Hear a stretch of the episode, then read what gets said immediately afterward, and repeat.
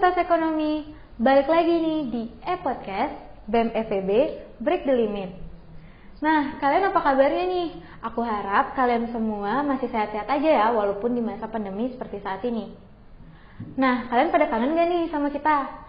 Nah, kita hadir lagi nih buat nemenin kalian pastinya dengan perbincangan seputar FEB Unut yang pastinya bakal menarik dan seru banget loh guys.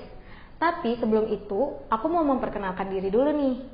Perkenalkan, nama aku Dewi dan aku di sini bakal sebagai host yang bakal nemenin kalian berbincang-bincang seputar FEB Unut. Nah, kan udah lama nih kita nggak ketemu di e-podcast. Sekarang e-podcast hadir lagi loh dengan suasana dan cerita baru. Pasti kalian pada penasaran kan? So, stay tune ya!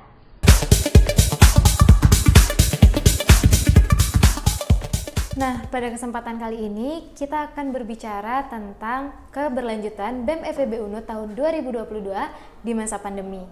Nah, tapi nih teman-teman, di sini aku nggak sendiri loh, karena bakal ada bintang tamu yang bakal nemenin kita berbincang-bincang selama kurang lebih 30 menit ke depan.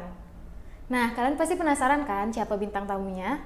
Langsung saja kita sambut Kak Diva.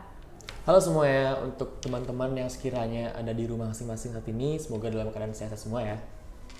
Oke, halo Kak Diva, gimana nih kabarnya? Mungkin kesibukan apa aja nih yang habis dijalani akhir-akhir ini? Oke, uh, sebelumnya uh, kakak kakak uh, baik banget hari ini sebelumnya dan juga agak uh, gimana ya? Agak tinggal sedikit karena kan ini salah satu podcast pertama kakak ya dan juga baru juga uh, depan kamera juga. Jadi sebenarnya uh, bangga juga bisa jadi uh, salah satu uh, tokoh pertama yang ada di podcast kali ini.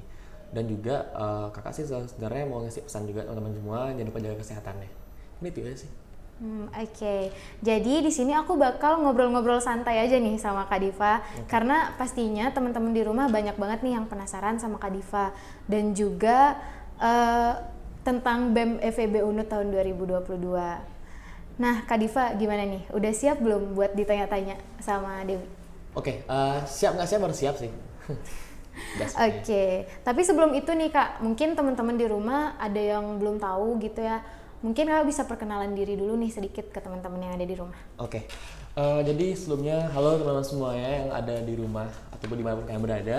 Jadi sebelumnya perkenalkan nama kakak Iputu Diva Krisna Aditya, biasa dipanggil Diva. Kakak tahun ini sedang berada di tingkat semester 6 di jurusan manajemen dan juga saat ini sedang menjabat sebagai ketua dari Badan Eksekutif Mahasiswa Fakultas Ekonomi dan Bisnis Universitas Udayana di tahun 2022 ini.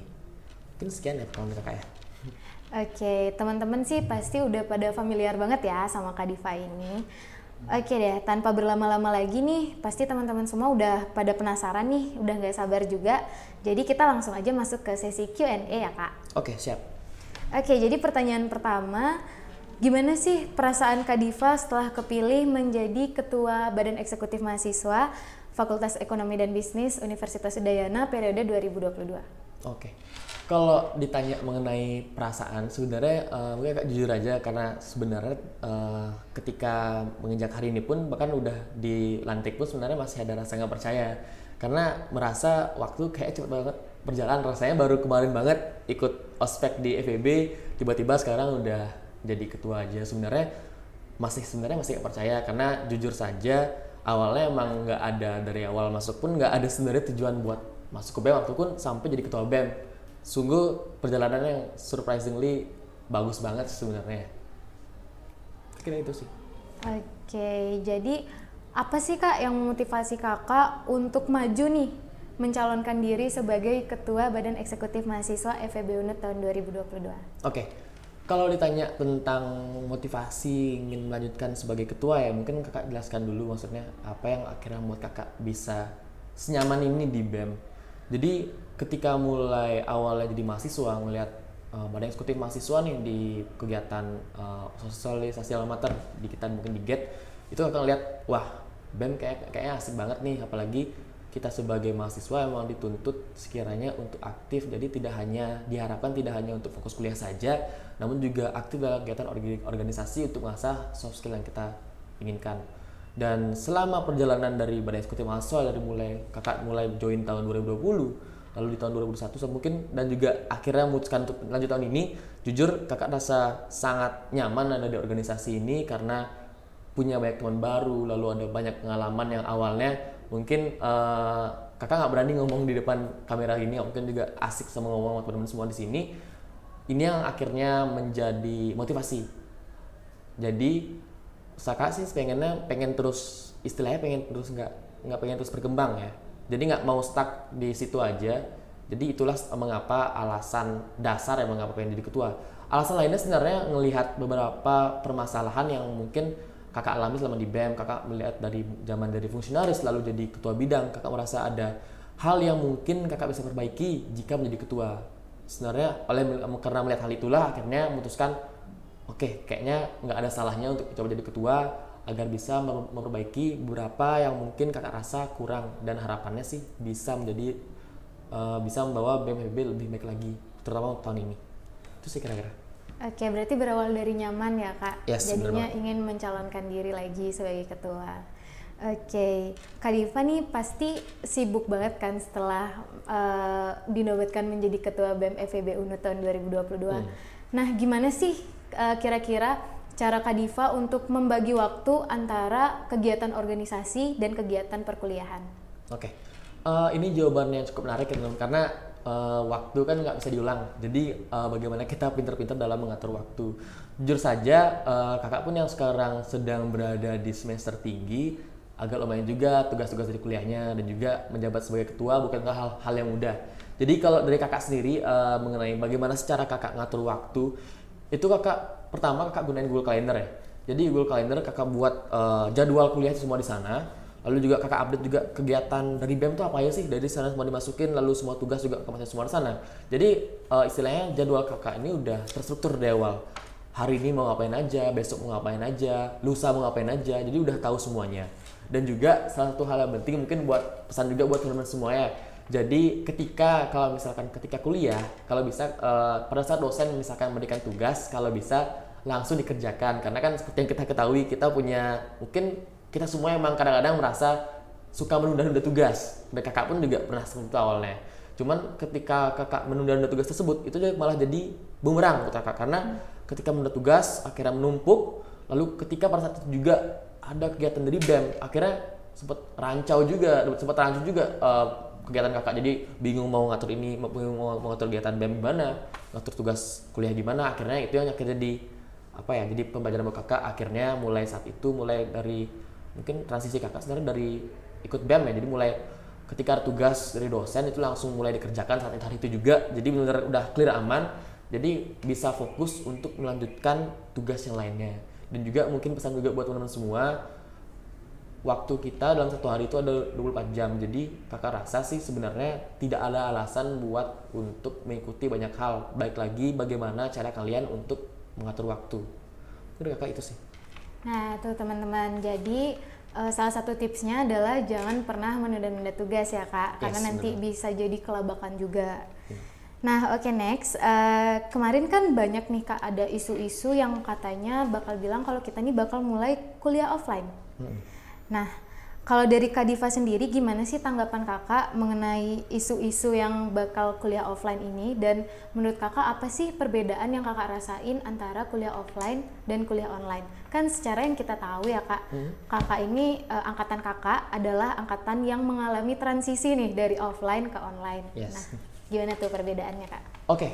jadi sebelumnya kakak pengen ngasih tahu tanggapan kakak ya terkait dengan pengumuman uh, pelaksanaan uh, tetap muka offline jadi sebenarnya ketika melihat berita tersebut itu salah satu hal yang mengembirakan, eh, mengembirakan ya buat kita semua. Karena kan ya seperti kita ketahui eh, kalau teman-teman dari mungkin dari SMA pun melihat anak-anak kuliah itu harusnya misalkan belajar di kelas ikut langsung kampus itu salah satu hal yang seru lah istilahnya. Jadi ketika mendengar berita kan offline ini jujur kakak merasa semangat banget. Akhirnya nih akhirnya selama dari tahun 2020 itu mulai transisi kan. Jadi kakak sempat melaksanakan kegiatan kuliah secara online selama satu tahun akhirnya juga bosan akhirnya ketika mendengar berita ini akhirnya sempat excited juga yes akhirnya bisa baik lagi maksudnya kita kumpul bareng teman-teman ketika uh, selesai kuliah mulai juga akhirnya bisa uh, belajar kuliah lagi di kelas. Yang jujur saja mungkin kakak selama ini mengikuti kuliah perkuliahan lebih uh, serak atau lebih cocok ketika belajar offline karena bisa langsung berinteraksi tanpa ada gangguan sinyal dengan dosen maupun teman-teman semua jadi ketika, jujur saja ketika mendengar uh, kabar offline itu sempat gembira juga. Tapi kakak juga realistis. Maksudnya kok malah covidnya malah tambah parah nih kasusnya? Apakah bisa kita benar-benar offline lagi? Dan benar juga kejadian yang ketika Universitas Udayana mengeluarkan peraturan offline selang uh, berapa hari atau minggu ya itu keluar lagi informasi bahwa kuliah akan dilaksanakan secara online lagi. Itu yang akhirnya wah kayaknya emang mungkin semesta tidak mendukungkan hal ini sempat kecewa juga cuman ya udahlah mau nggak mau kan kita harus uh, mulailah beradaptasi lagi kita nggak boleh stuck dalam satu keadaan. Dan juga pertanyaan kedua terkait uh, apa sih perbedaan kuliah offline dan online ya? Uh, kuliah offline dan online sebenarnya perbedaan utamanya kan uh, pada saat pelaksanaan kuliah. Jadi kalau kuliah offline itu kalian benar di kelas langsung berinteraksi dengan teman mungkin dengan teman sebangku kalau ada pertanyaan bisa langsung ke dosen dan bisa langsung jawab. Sedangkan kalau online itu kan kita benar di kelas jadi benar di rumah masing-masing dan salah satu hal yang menghambat di kuliah on online itu adalah sinyal. Karena jujur saja ketika kakak mengikuti kuliah selama satu tahun satu, tahun setengah mungkin ya uh, menjalankan kuliah secara online itu nggak sedikit menemukan masalah terkait dengan sinyal. Karena kan tidak semua tempat tidak semua uh, daerah penerima siswa itu sinyal itu bagus. Jadi ketika melaksanakan kuliah pun sempat ada masalah koneksi. Jadi buat proses pembelajaran itu jadi nggak maksimal sebenarnya. Tapi di satu sisi sebenarnya ketika pelaksanaan kuliah online ini kita jadi punya banyak waktu luang teman-teman semua. Jadi kita punya banyak waktu untuk mengeksplor kira-kira kita ini bisanya apa sih. Bahkan kakak pada saat kuliah online pun jika dibandingkan dengan kuliah offline ya.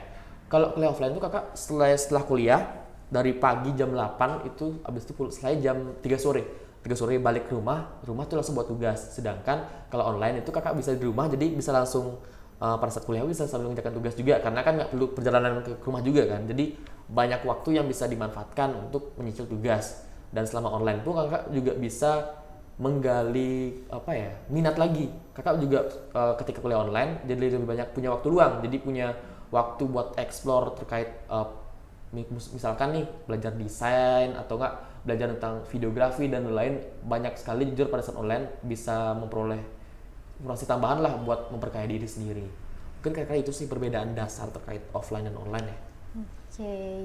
berarti uh, uh, apa Kak Diva lebih kalau disuruh milih nih hmm. lebih pilih offline atau online nih kira-kira oke okay. ah sebenarnya agak susah juga sebenarnya pertanyaannya karena jujur saja antara offline dan online itu punya kelebihan dan kekurangan masing-masing tapi kalau ditanya apakah prefer kepada kuliah offline atau online? Kakak jujur lebih kepada offline karena kakak tipe orang yang suka banget buat ketemu orang langsung langsung berinteraksi. Karena ketika ketemu langsung itu gimana ya rasa ada rasa semangat buat datang. Jadi ada alasan buat rajin kampus. Hmm. jadi bisa selesai kuliah pun bisa kumpul-kumpul langsung. Berbeda dengan online yang kita langsung di rumah mungkin ada teman yang kuliah sambil tidur ya. Tapi ya kak uh, mungkin kuliah fokus sih uh, jadi ketika kuliah online tuh jadi nggak ada alasan buat keluar. Jadi kayak males gitu loh. Jadi kakak prefer ke offline sih. Jadi bisa ketemu teman-teman lain. Oke. Okay. nah uh, Dewi lanjut ke pertanyaan selanjutnya ya kak. Nah kakak ini kan sudah lama nih menjadi bagian dari BEM FEB UNUD pada saat pandemi nih. Iya. Tentunya pasti ada dong tantangan dan hambatan yang kakak alami nih. Hmm dari transisi dari sebelum pandemi ke pandemi.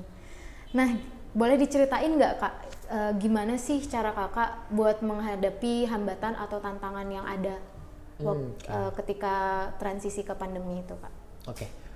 Oh, per, permasalahan ketika melaksanakan eh mengikuti organisasi ketika online adalah melaksanakan tugas dan program kerja ya karena seperti yang ke, kalian ketahui mungkin kakak ikut cerita sedikit Uh, ketika pertama kali bergabung di BEM, uh, aku bergabung di bidang olahraga, yang di mana uh, bidang itu emang tugas utama itu emang terjun ke lapangan mengawasi teman-teman dari komunitas untuk berlatih. Jadi ketika ada pandemi, jujur kami pun sempat kewalahan. Maksudnya kita tidak dapat melaksanakan tugas kami, uh, tidak bisa melaksanakan, akhirnya tidak bisa mengawasi komunitas lagi yang akhirnya menjadi PR juga sempat ngestak juga pada saat itu. Cuman nggak lama. Akhirnya kami memutuskan untuk mulai beradaptasi akhirnya kami dari bidang olahraga pun mulai mencoba membuat uh, konten istilahnya. Cuman balik lagi esensinya sebenarnya nggak dapet karena olahraga pun seharusnya banyak kan kerjaannya uh, secara offline tuh kan langsung turun jalan. Jadi sebenarnya itu sih permasalahan besarnya. Uh, sebenarnya ini tergantung dari bidang dari BEM gitu teman-teman. Jadi khusus buat bidang eh, divisi 2 itu bidang olahraga dan kesenian. Itu kan karena pekerjaan utamanya itu datang kampus. Jadi lebih spesifik kepada tugas yang luring jadi agak lumayan kesusahan untuk beradaptasi dengan kegiatan pandemi ini. Tapi untuk bidang lain mungkin misalkan dari divisi 1 dan divisi 3 itu masih bisa untuk melaksanakan kegiatan secara online ataupun lewat masing-masing. Dan salah satu mungkin lanjut lagi uh, selain tugas bidang maupun divisi di BEM salah satu tantangan kita di BEM pada saat uh, melaksanakan tugas di pandemi itu adalah pelaksanaan program kerja. Karena pada saat sebelum ada pandemi kita benar-benar nggak ada apa ya kita nggak bakal expect bakal kegiatan seperti ini. Jadi kita nggak ada mempersiapkan terkait penggunaan live streaming lalu penggunaan kamera dan juga mungkin pada saat program kerja itu ada persiapan desain yang banyak. Itu sih yang jadi akhirnya PR buat kita semua. Pada saat pada saat tahun 2020 pada saat uh, transisi itu butuh banyak waktu untuk mempersiapkan program kerja yang bisa dilaksanakan secara hybrid teman-teman jadi hybrid di sini adalah uh, pelaksanaan panitianya secara offline untuk peserta online jadi itu butuh waktu persiapan yang lebih banyak karena kita perlu belajar dari nol banget terkait hal itu dan syukurlah pada saat itu di pertengahan tahun kita sudah mulai beradaptasi dengan kegiatan uh, kondisi pandemi ini yang akhirnya mulai tahun 2020 pertengahan program kerja dari di lingkungan uh, eh, FEB Unut ini mulai terlaksana secara online. Jadi program kerja itu nggak ada yang lagi offline lagi. Jadi lebih fokus kepada live streaming. Itu sih kira-kira uh, apa namanya hambatan buat kami sebenarnya. Iya benar-benar uh, yang Kak Diva bilang tadi tuh ada benernya juga sih kayak uh, pandemi ini sebenarnya jadi hambatan banget ya buat divisi 2 yang kerjaannya turun ke lapangan. Yes. Kita jadi nggak bisa ngawasin komunitas secara langsung gitu kan kak. Tapi syukurnya sekarang sudah bisa beradaptasi dong tentunya ya kak. Benar banget. Nah kak kita next ya. Uh, seperti yang kita tahu nih kan jargon BEM FEB tahun 2022 ini kan Unity in Devotion. Nah, mungkin kakak bisa ceritain nih, apa sih arti dan alasan kakak memilih Unity and Devotion ini sebagai jargon BEM FEB tahun ini? Oke. Okay. Oke, okay, mungkin terkait dengan jargon yang kakak bawa Unity and Devotion ini sebenarnya berasal dari uh, visi yang kakak bawa sebagai pada saat sebagai calon ketua, yaitu Unity and Devotion yang dalam bahasa Indonesia itu adalah bersatu dalam pengabdian.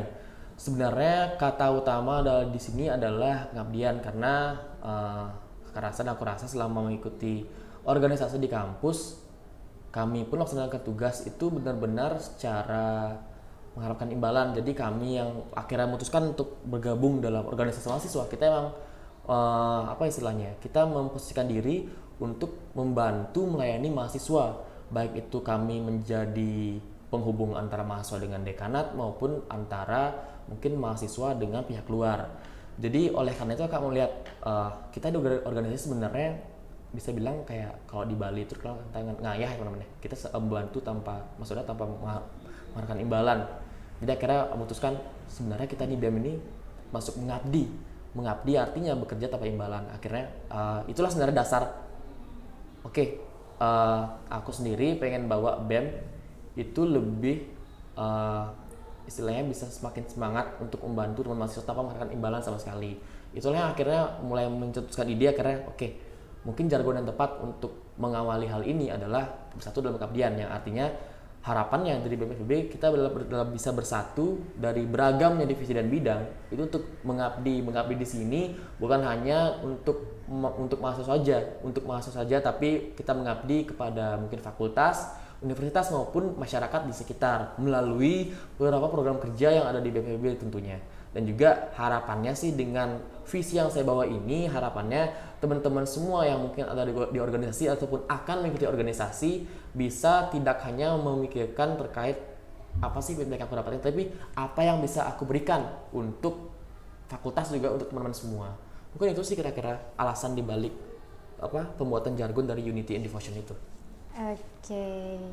Jadi Kak, uh, aku juga mau nanya nih. Hmm. Untuk tahun ini kan uh, sebagai ketua BEM nih, apa sih tujuan yang ingin Kakak capai untuk BEM tahun ini dan juga apa sih rencana yang bakal Kakak lakuin ke depannya? Mengingat nih hmm. uh, kondisi sekarang kan tidak menentu ya Kak, di mana pandemi ini nggak berujung, nggak nggak kunjung jadi endemi nih. Kira-kira yeah. rencana ke depan Kak Diva tuh seperti apa sih? Oke. Okay Uh, kalau ditanya mengenai rencana ke depan ya atau enggak uh, bisa bilang kayak arah gerak dari BEM ini jujur uh, ketika kakak memutuskan ketika saya memutuskan untuk jadi ketua BEM ada beberapa poin yang menjadi fokus utama untuk uh, periode di tahun ini yang pertama uh, melayani mahasiswa sebagai uh, melayani mahasiswa karena itu tujuan kami sebagai badan eksekutif mahasiswa bisa menjadi uh, pihak yang bisa menjadi penghubung antara mahasiswa dengan fakultas. Jadi kita bisa membantu secara maksimal terkait apa yang kira-kira teman-teman mahasiswa butuhkan, apa yang menjadi problematika buat teman-teman semua dan apa yang kira-kira teman-teman mahasiswa butuhkan untuk melancarkan proses perkuliahannya. Itu itu satu. Lalu tujuan kedua itu sebenarnya terkait dengan uh, peningkatan prestasi di bidang akademik. Karena jujur saja mungkin prestasi akademik itu salah satu hal yang penting menurut saya karena prestasi akademik itu itu juga menjadi apa ya sebagai bahan untuk meningkatkan uh, meningkatkan kemampuan seseorang walaupun kita tahu tiap orang itu mempunyai minatnya yang berbeda-beda namun uh, harapannya dengan peningkatan prestasi secara akademik ini kami di BMFB bisa membantu sekiranya teman-teman yang ingin meningkatkan minat atau bakatnya dalam lomba akademik itu tujuan yang kedua. Lalu tujuan yang ketiga adalah peningkatan prestasi di bidang non akademik.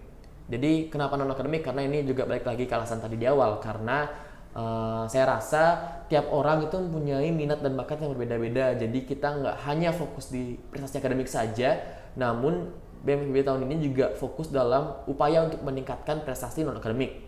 Jadi uh, harapannya dengan hal ini teman-teman mahasiswa itu bisa merasa adil jadi nggak cuma mahasiswa yang lomba di akademik saja yang kita perhatikan, namun semua elemen mahasiswa itu kita pikirkan dengan baik-baik. Jadi porsi yang porsi bantuan yang kita berikan pun harapannya akan merata. Jadi tidak ada kecemburuan sosial lagi antara teman-teman mahasiswa yang sekiranya fokus di akademik saja ataupun fokus di non akademik saja. Mungkin kira-kira itu sih arah geraknya ada tiga tadi. Oke. Okay. Wah, Kak, nggak kerasa nih, ternyata kita udah sampai di penghujung e-podcast kali ini loh. Tapi sebelum kita tutup nih perbincangan kita hari ini, aku ada pertanyaan terakhir nih kak. Oke. Okay. Apa sih harapan kakak untuk BEM FEB UNUT tahun 2022? Oke. Okay. Uh, eh, kalau tanya harapan, uh, jujur saja mungkin harapan terutama agar BEM FEB UNUT terutama di tahun periode saya di tahun 2022 bisa mewujudkan dan merealisasikan tujuan awal yang mungkin tadi saya sebutkan tadi ada tiga poin tadi itu sih harapan utamanya agar bisa tiga tujuan tadi itu agar bisa terlaksana dengan baik. Mungkin salah satu fokus utamanya adalah agar kami juga di BMFB itu bisa semakin besar impactnya dalam membantu mahasiswa terutama di Fakultas Ekonomi dan Bisnis mungkin dari penyebaran informasi dan lain-lain. Oleh karena itu juga uh, mungkin saya selaku ketua meminta bantuan juga kepada teman-teman semua yang mau, menyaksikan podcast ini mungkin harapannya jika teman-teman tidak ingin ketinggalan informasi ataupun beberapa update yang terjadi di Fakultas Ekonomi dan Bisnis Universitas Daya ini jangan sungkan untuk uh, follow juga dan pantengin juga media sosial kami di BMFB Unut agar tidak ketinggalan segala informasi yang sekiranya penting juga buat teman-teman. Jadi proses kuliah nantinya itu dapat berjalan dengan lancar. Dan juga minta tolong juga kepada teman-teman semua kami tidak menutup dan kami dari BMPB sebenarnya tidak menutup segala kritik dan masukan. Jadi harapannya ketika teman-teman merasa ada masukan atau kritik kepada kami di Unut tahun ini saya buka seluas-luasnya dan sebesar-besarnya masukan itu mungkin bisa teman-teman sampaikan pertanyaan maupun saran atau kritik itu melalui uh, platform media sosial kami mungkin dari Instagram dan juga lain jadi nanti bisa teman-teman sampaikan juga melalui uh, eh, DM juga. Jadi harapannya teman-teman juga ikut berkontribusi dalam peduli terhadap kami dan kami juga akan berusaha semaksimal mungkin untuk melaksanakan tugas kami dan juga harapannya bisa kami bisa saling memberikan manfaat satu sama lain. Mungkin kira-kira itu sih ya harapan dari saya untuk BMB untuk tahun ini. Oke, wah terima kasih banyak ya Kak Diva ya, udah berkenan hadir buat nemenin kita berbincang-bincang, udah mau sharing juga. Semoga Kak Diva sehat selalu ya Kak walaupun ya. di uh, kondisi pandemi seperti saat ini dan semoga sukses terus di segala aktivitasnya. Siap, maksud juga uh, kamu juga ingat jaga kesehatan ya. Juga teman-teman semua jangan lupa jaga kesehatan baik lagi karena kondisi sedang tidak baik-baik saja. Baik, makasih Kak Diva. Ya, sama-sama. Ya, dan untuk teman-teman di rumah Uh, aku mau ngucapin terima kasih karena sudah mengikuti kita dari awal episode e-podcast kali ini hingga akhir nih. Nah, aku mau ngingetin nih, jangan lupa untuk pantengin terus episode e-podcast selanjutnya yang pastinya nggak bakal kalah seru loh. Oke, okay, see you on next episode e-podcast. BEM FEB, Break the Limit. Kita di organisasi sebenarnya bisa bilang kayak kalau di Bali itu kalau ngayah ya namanya. Kita bantu tanpa maksudnya tanpa mengharapkan imbalan. Jadi akhirnya waktu kita dalam satu hari itu ada 24 jam. Jadi kakak rasa sih sebenarnya tidak ada alasan buat untuk mengikuti banyak hal. Baik lagi bagaimana cara kalian untuk mengatur waktu